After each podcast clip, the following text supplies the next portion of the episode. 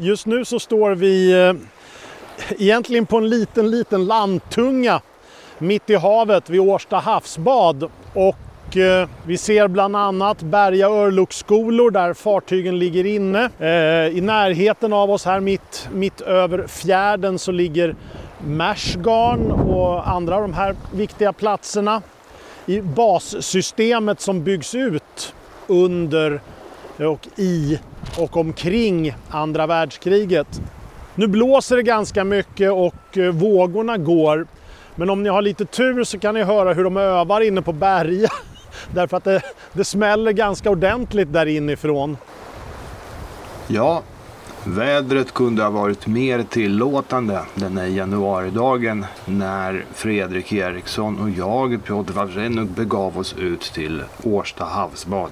Denna del av vår serie om kustartilleriet behandlar utbyggnaden av havsbandslinjen och försvaret av Stockholms skärgård under andra världskriget.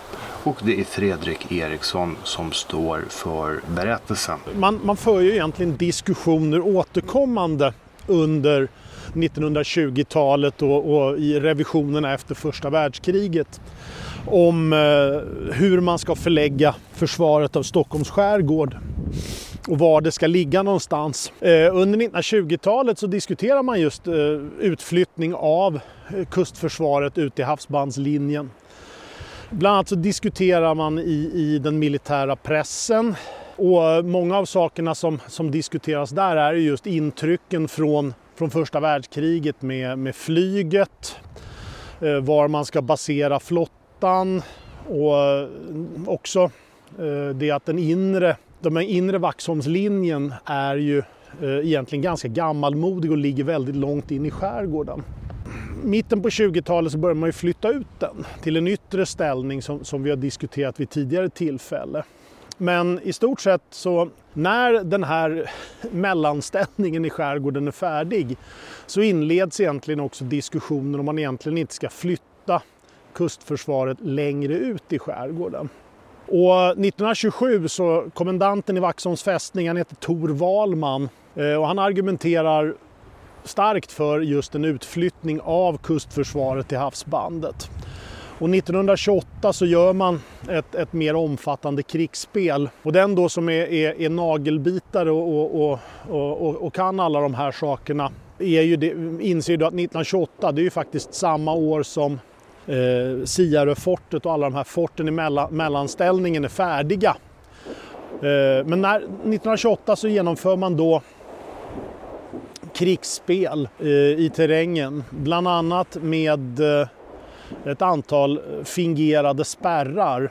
Med en spärr i södra, eh, sö, södra delen av skärgården kring, kring ön Mellsten Eh, och det, det, befinner sig en bit från den plats vi är just nu. Nu befinner vi oss egentligen ganska långt in. Eh, men söderöver i, i, i riktning Nynäshamn och Danziger Gatt så, så, så, har man en fingerad spärr, kallas för Mellstensspärren.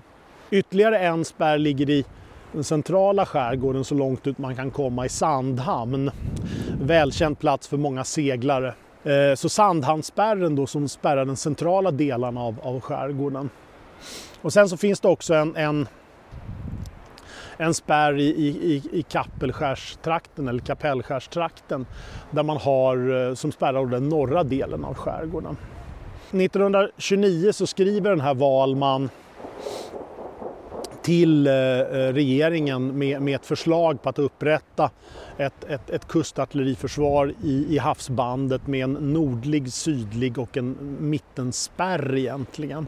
Och det här taktar ganska väl in därför att eh, 1928 så har det ju blivit en, en ny högerregering. Arvid Lindmans regering efter det så kallade kosackvalet 1928 Eh, så, så vinner högern regeringsmakten. Och då ska vi komma ihåg att 1925 års försvarsbeslut har inte högern varit särskilt förtjust i.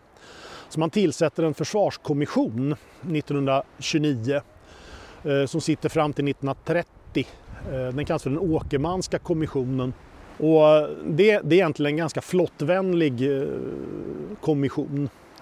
Och den, eh, det, det vi ska komma ihåg är att det finns en, en, en pågående rivalitet mellan försvarsgrenarna här eh, under den här perioden där vi har bland annat flottan å sin sida och gentemot då armén och även flygvapnet. Och man kämpar egentligen om resurser i, i, i uppbyggnadsfaserna här.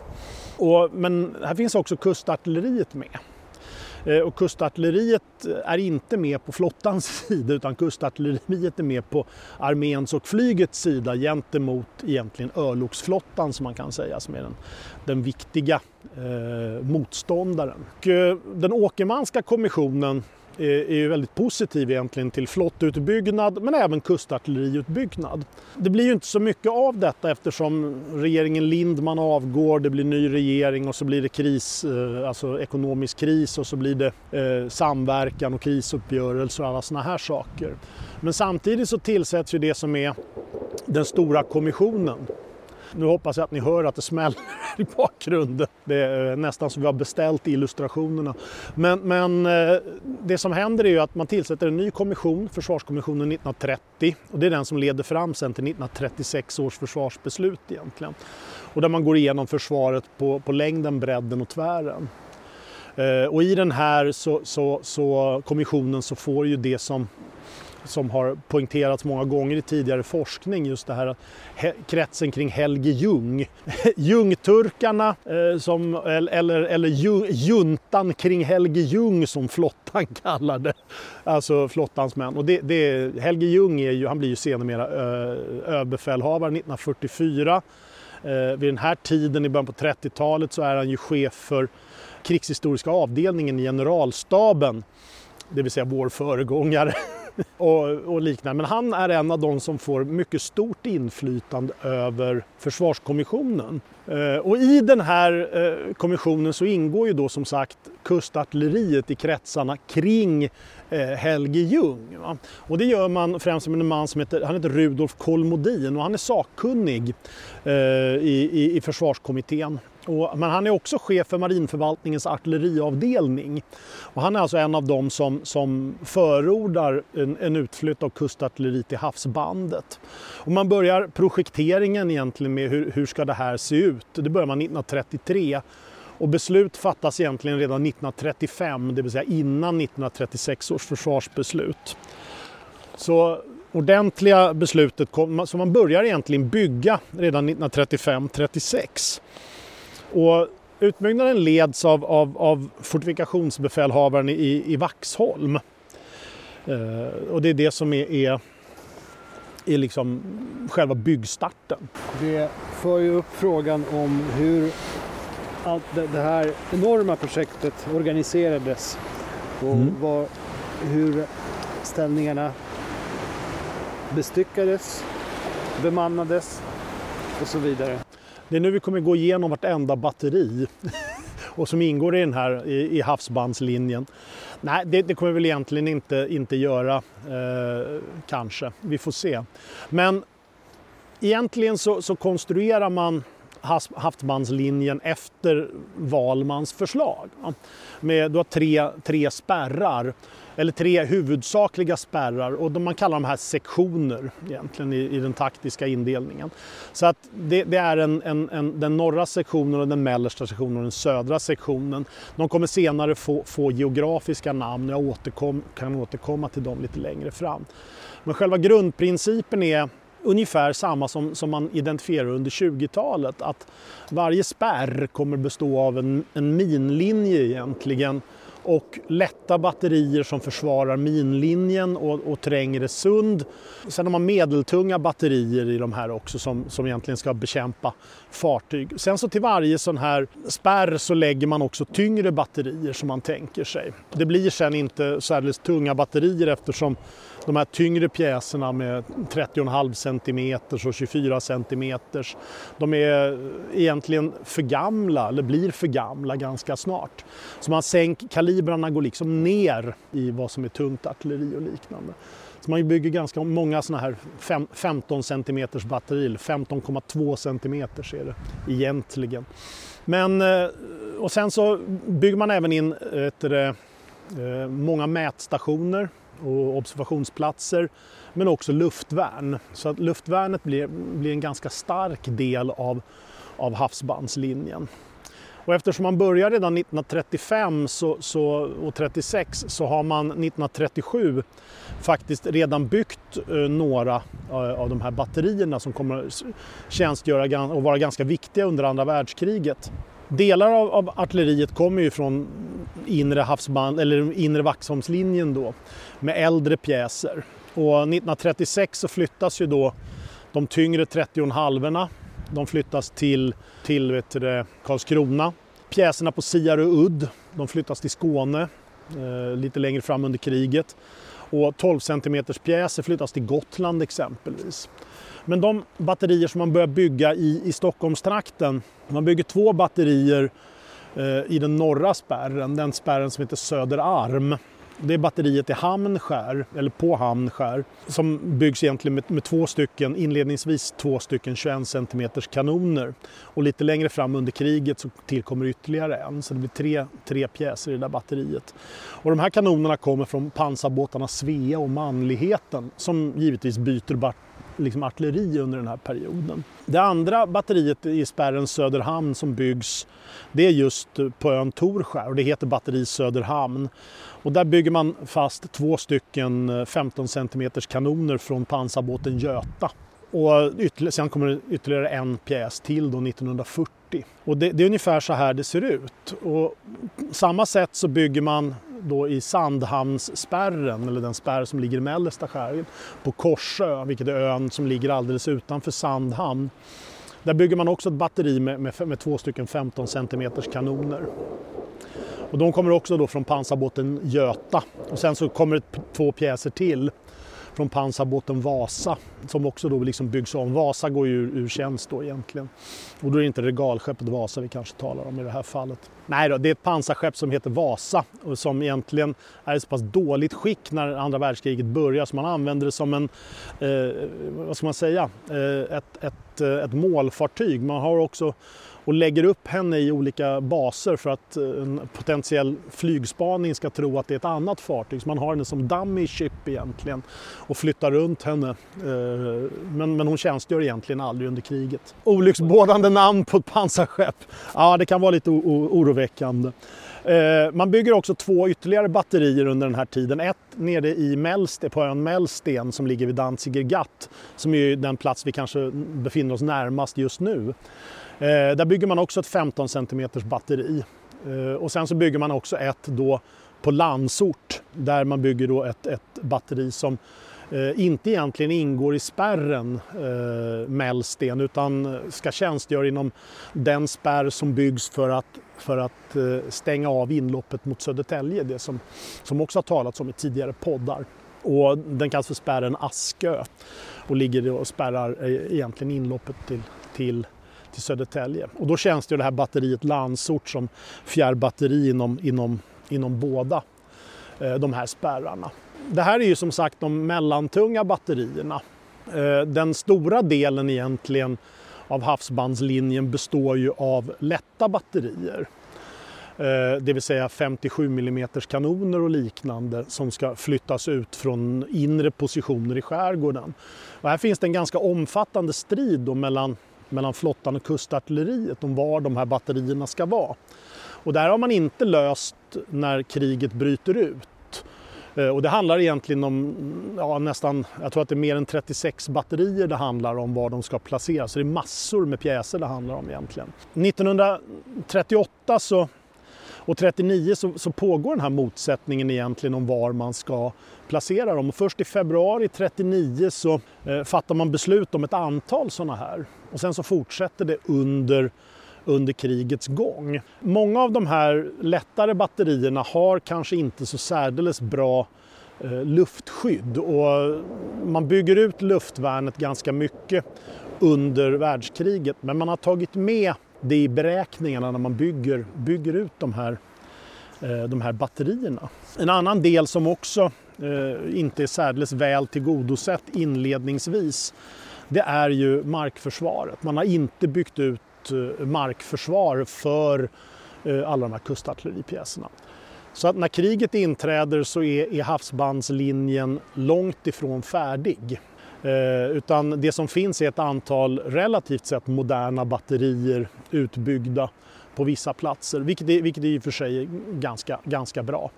Men en stor del av det är ännu inte alls färdigt. 1939, du var ju inne på det lite grann att eh, havsbandslinjen inte stod färdig. Men lik förbannat så inträffade augusti-september 1939 och senare utvecklingar. Eh, hur var beredskapen här ute? När tändes varningslamporna för marinens respektive mm. kustartilleriets vidkommande? Alltså, det är några saker man börjar göra redan 1938. Alltså, den första riktiga varningsklockan när, när man börjar, börjar inse att det här kommer nog inte gå, gå, gå sådär jättebra. Det, det är nog Münchenkrisen. Münchenkrisen är, är, är ju den verkligt allvarliga egentligen. Och under 1938 eh, så, börjar man då, så fattar man först ett beslut om, om eh, för, förbättrad beredskap redan i fred. Eh, 1938 så organiserar man också det som de här så kallade säkerhetspiketerna i kustartilleriet, det vill säga eh, beredskapsförband med rörligt kustartilleri som ska kunna skickas ut eh, egentligen väldigt fort. Eh, det som man också fattar beslut om här är ju hur man ska organisera själva ledningen av, av krigsmakten.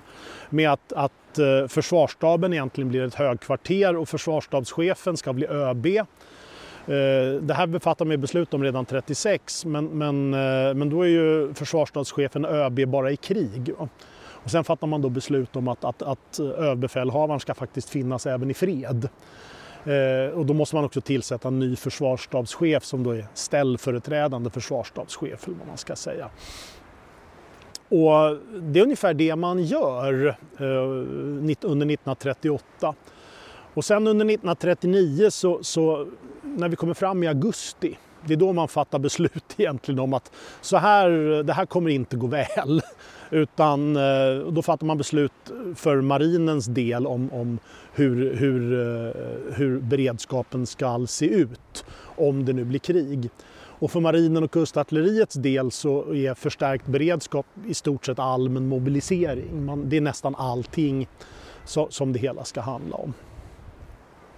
Så, så när kriget väl bryter ut i september så, så är kustflottan mer eller mindre färdig redan. Kustflottan är ju liksom den modernare delen av, av flottan och den viktigaste delen kanske. Den är, den är i tjänst redan första i nionde och man patrullerar Landsort, Ölands södra udde från den 2 september.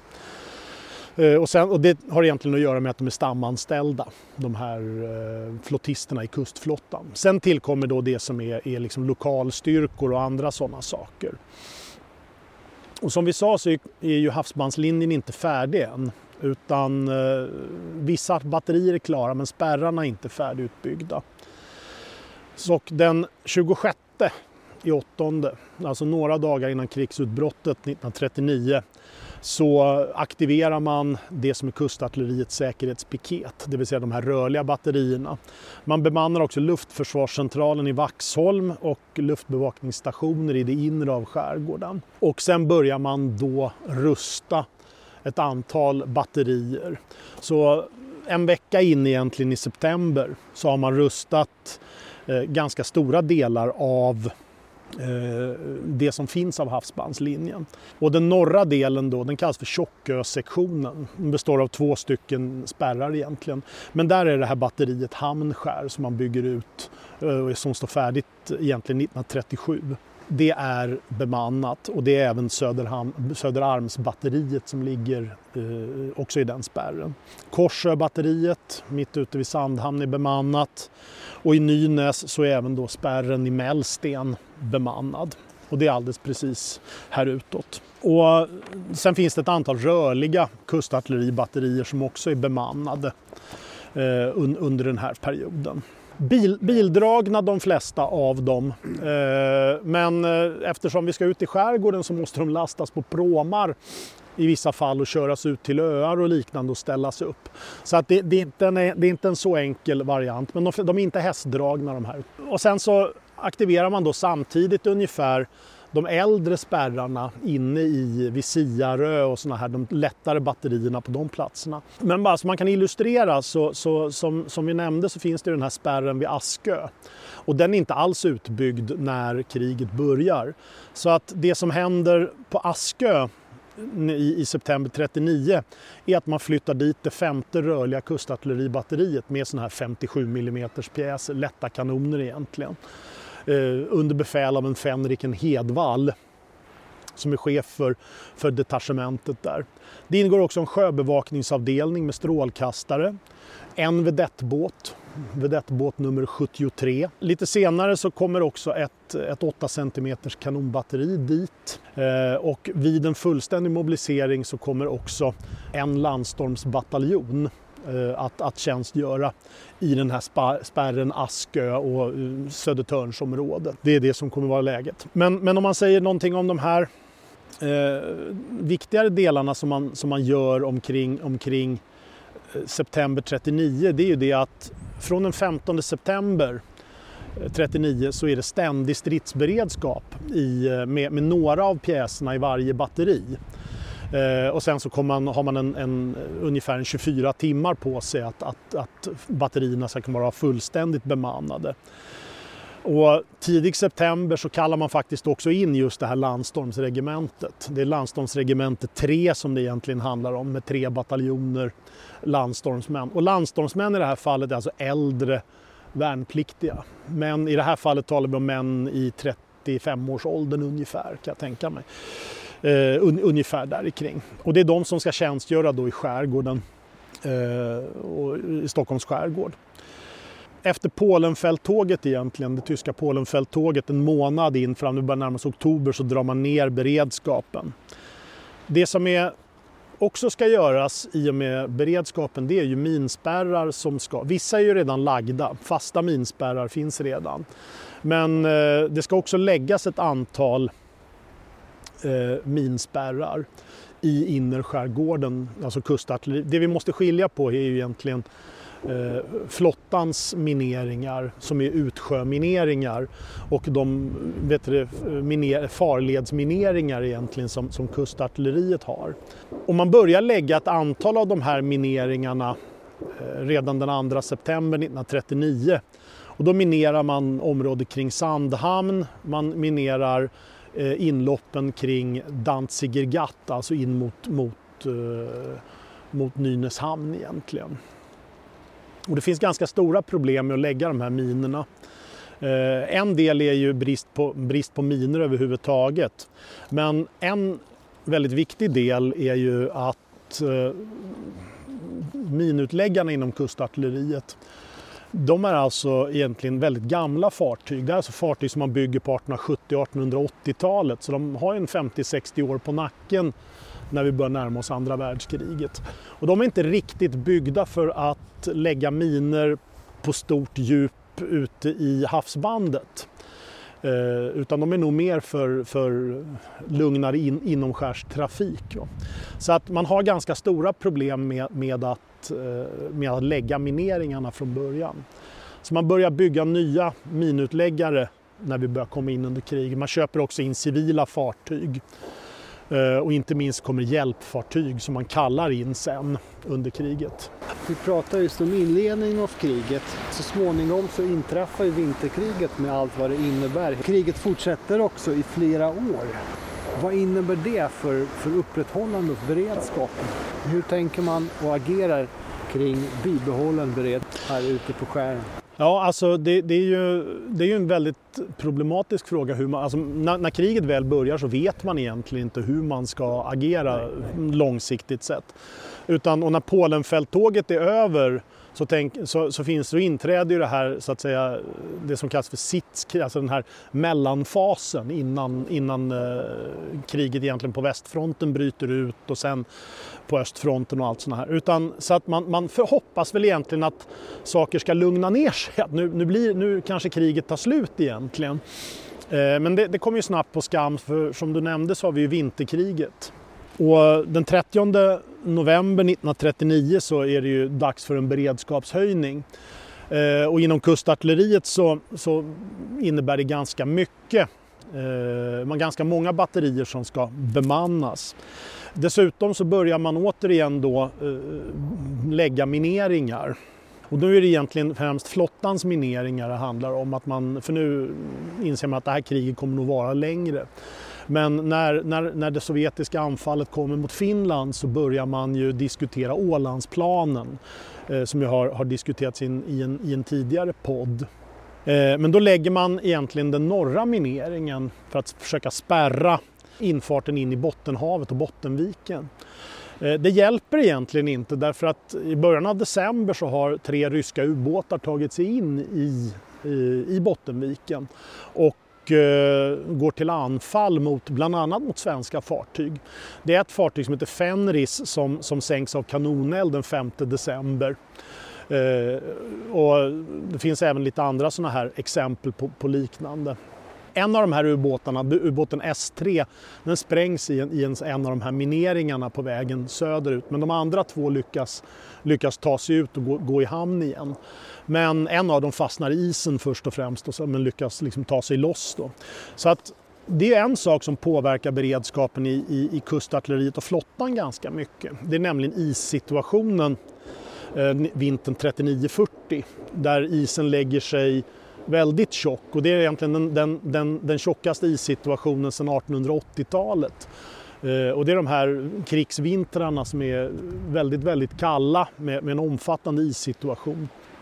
Under hela den här vintern och även under kriget i övrigt så är kustartilleriet i, i ökad beredskap eh, i de här olika fästningarna. Det, det som man egentligen gör under, under de här beredskapsperioderna det är det att man har egentligen ingen, ingen större eh, beredskap för en, en, en längre eh, Eh, period. Att ha människor inkallade eh, under många år egentligen.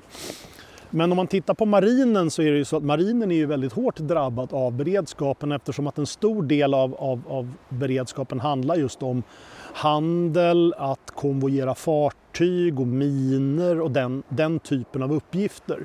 Så att flottan slits ganska hårt eh, egentligen och dessutom så har de färre soldater än armén har. Fartygen måste ju rustas, man måste ha reservbesättningar och liknande. Och kustartilleriet har egentligen lite samma problem. Alltså man har få, få värnpliktiga och få soldater. Så det är alltså färre människor som ska dela på en ganska stor beredskap egentligen.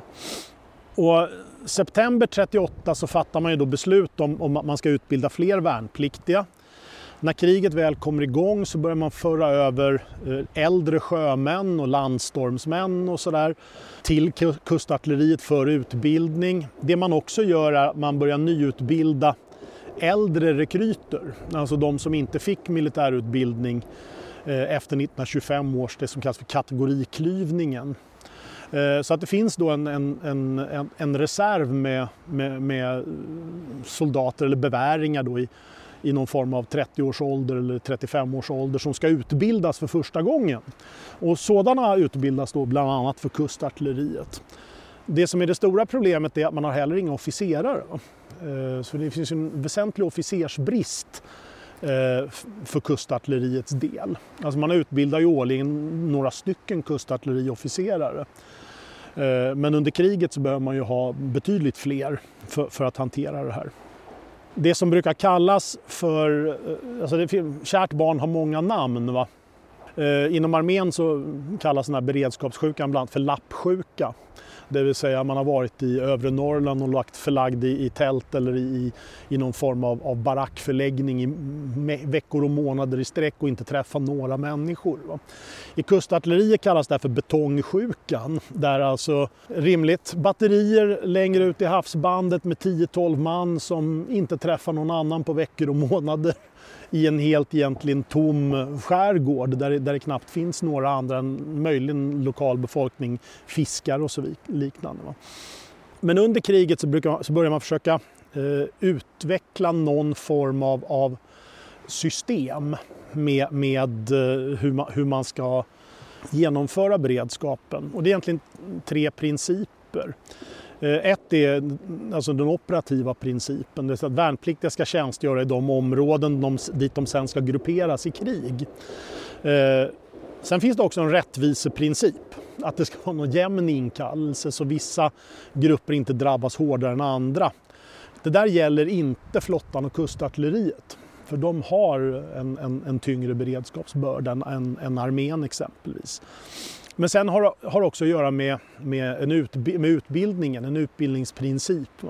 Att förbandens behov av utbildning styr.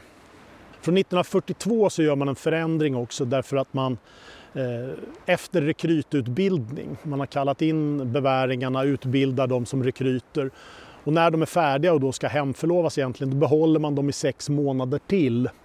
Eh, och det är just, de är helt nyutbildade och behålls då som i, som i beredskap ytterligare sex månader. Men det finns inledningsvis ingenting egentligen med personalvård och sådana här saker för inneliggande soldater eller eh, något omfattande permissionssystem. Det, det som finns är, är är egentligen soldathemsverksamhet där man kan kanske dricka kaffe och äta äta kaka om det nu finns. Eh, I övrigt är det liksom prästen och det, det finns inget system för, för eh, att upprätthålla moral egentligen annat än ja, bibliotek, den typen av saker. Och det här är någonting som man, man utvecklar egentligen under krigets gång när man inser att det här kommer vara vara mycket längre än vad man har, har tänkt sig innan. När är havsbandslinjen fullt utbyggd? Hur ser den ut vid detta tillfälle om vi ser hela regionen då? Ja, det, det, alltså, som, jag, som jag sa så finns det en motsättning mellan flottan och, och kustartilleriet om var man ska placera alla de här eh, batterierna. Lätta batterierna främst och det är de som ska bevaka mineringar och trängre sund. Men havsbandslinjen och, och är väl egentligen klar på, på, allvar, eller klar ska man inte säga, men någorlunda färdigt utbyggd från, från 1942. Eh, då har man byggt de flesta batterierna batterier och det mesta är klart. En stor del av det hela är klart redan under 1940. Men, men 1942 är, är, är viktigt eftersom man fattat ett nytt eh, försvarsbeslut då. Eh, och då, upprättar man, då, då försvinner det här fästningsbegreppet. Så att Stockholms skärgård heter då, eller försvaras då egentligen inte av Vaxholms fästning utan den försvaras av Stockholms kustartilleriförsvar som det heter. Och det är en egen myndighet som, som egentligen finns fram till på 1990-talet. Och samma finns i Karlskrona och på andra ställen. Eh, sen finns det också ett, ett försvars, Vaxholms försvarsområde, FO 46. Och senare slår man ihop de här då till Stockholms kustartilleriförsvar, FO 46. Eh, så då, då har man en ny organisation egentligen för det här. Om man börjar norrifrån och går söderut i, i, den, här, eh, i den här havsbandslinjen. Så, så det, det, som är nordligast här egentligen är det som kallas för Rotengruppen. Och, och spärren egentligen kring Vässarö Singö i norra Stockholms skärgård. Nu är vi ganska långt norrut mot Öregrund och de här områdena. För det är just de hamnarna som ska skyddas. Det är hamnen i Öregrund, Östhammar, Hallstavik, Harg, alla de här hamnarna på, på Roslagskusten. Det batteri som egentligen är viktigt här som också har en påverkan på Åland och Ålandsberedskapen det är batteriet på, på på, roten, eller roten, batteriroten som det heter. Eh, och det byggs 1941. Så att det, det, är ett av de mer moderna batterierna och det tjänstgör egentligen under hela kalla kriget också. Men här bygger man, eh, bygger man in fyra stycken 15,2 cm kanoner modell 40B i fullträffsäkra värn och allting sånt där. Och den här kanonen av modell 40B det är alltså pjäser som har funnits tillverkade vid Bofors för utländska makter. Eh, I det här fallet är det Nederländerna, den nederländska flottan som har beställt de här pjäserna och de är byggda för, för nederländska fartyg. Men Nederländerna är ockuperat eh, och då finns det också ett antal pjäser här som man kan, kan liksom ta, ta i anspråk. Eh, så det finns bland annat de här som är avsedda för Nederländerna. Det finns pjäser avsedda för Siam och det finns för Argentina. Det finns för alla möjliga olika platser på jorden. Så att det finns ganska mycket artillerimateriel man, man bygger in här. Sen finns det lite lätta batterier i det här också, men det viktiga är som sagt alltid de här mineringarna. Så efter liksom man kommer ner i roten så är det ju de här tjockösektionen, det som sen kommer vara en kust. De här sektionerna kommer senare bli kustartilleribrigader under kalla kriget, men det, det är en senare podd. Men eh, består egentligen av två spärrar. Spärrarna Arholma och Söderarm. Och syftet med de här spärrarna är att skydda inloppen till Norrtälje och Kapellskär. Det är alltså platser som är hamnar än idag givetvis. Men också inloppet i norra farleden, det vill säga Furusundsleden. Spärren i Arholma består ju främst av lätta batterier, fyra stycken närmare bestämt. Eh, sen finns också ett batteri som man bygger 1941 som heter batteri Lidö som ligger utanför Kapellskär med fyra stycken 12 cm kanoner. Och de här kanonerna har tidigare funnits på Rindö vid Byviksfortet. Så alltså ett av de forten som flankerar Rindö redutt. Där har de här kanonerna stått fram till 1941 och då lyfter man dem ut igen till batteri Lidö och bygger fast dem där. Här finns det givetvis också mätstationer och mineringar eh, i de här platserna mellan Arholma och liknande. Spärren i Söderarm den består av de här batterierna som vi redan har, har talat om men också eh, fyra stycken lätta batterier som man bygger upp under den här perioden och ett antal mineringar under den här, eh, mellan de här olika öarna och, och, och, och Gatten. Om man sen tittar på den mellersta skärgården så har vi ju Sandhamn då. Det, och den, syftet med den här är ju att spärra Sandhamnsleden och områden kring Möja, Ornö och Nämndö, den här typen av, av, av eh, sund och öar. Det som finns här är spärren Korsö med Korsöbatteriet som vi redan har nämnt. Under 1940 och 39 och 40 så bygger man också fyra lätta batterier runt för att spärra de här sunden och bevaka de här Eh, mineringarna i, i, i de här områdena. Det finns nämligen flera sådana också.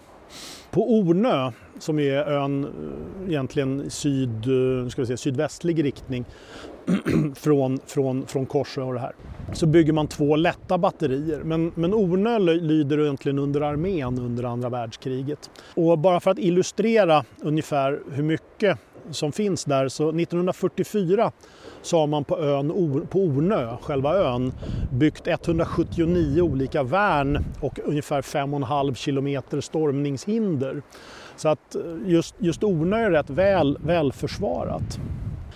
Eh, södra skärgården, vilket är kanske den plats som är mest problematisk med Danziger Gatt och, och de här områdena. Dessutom har man Nynäshamn där som är den enda eh, djuphamnen i området.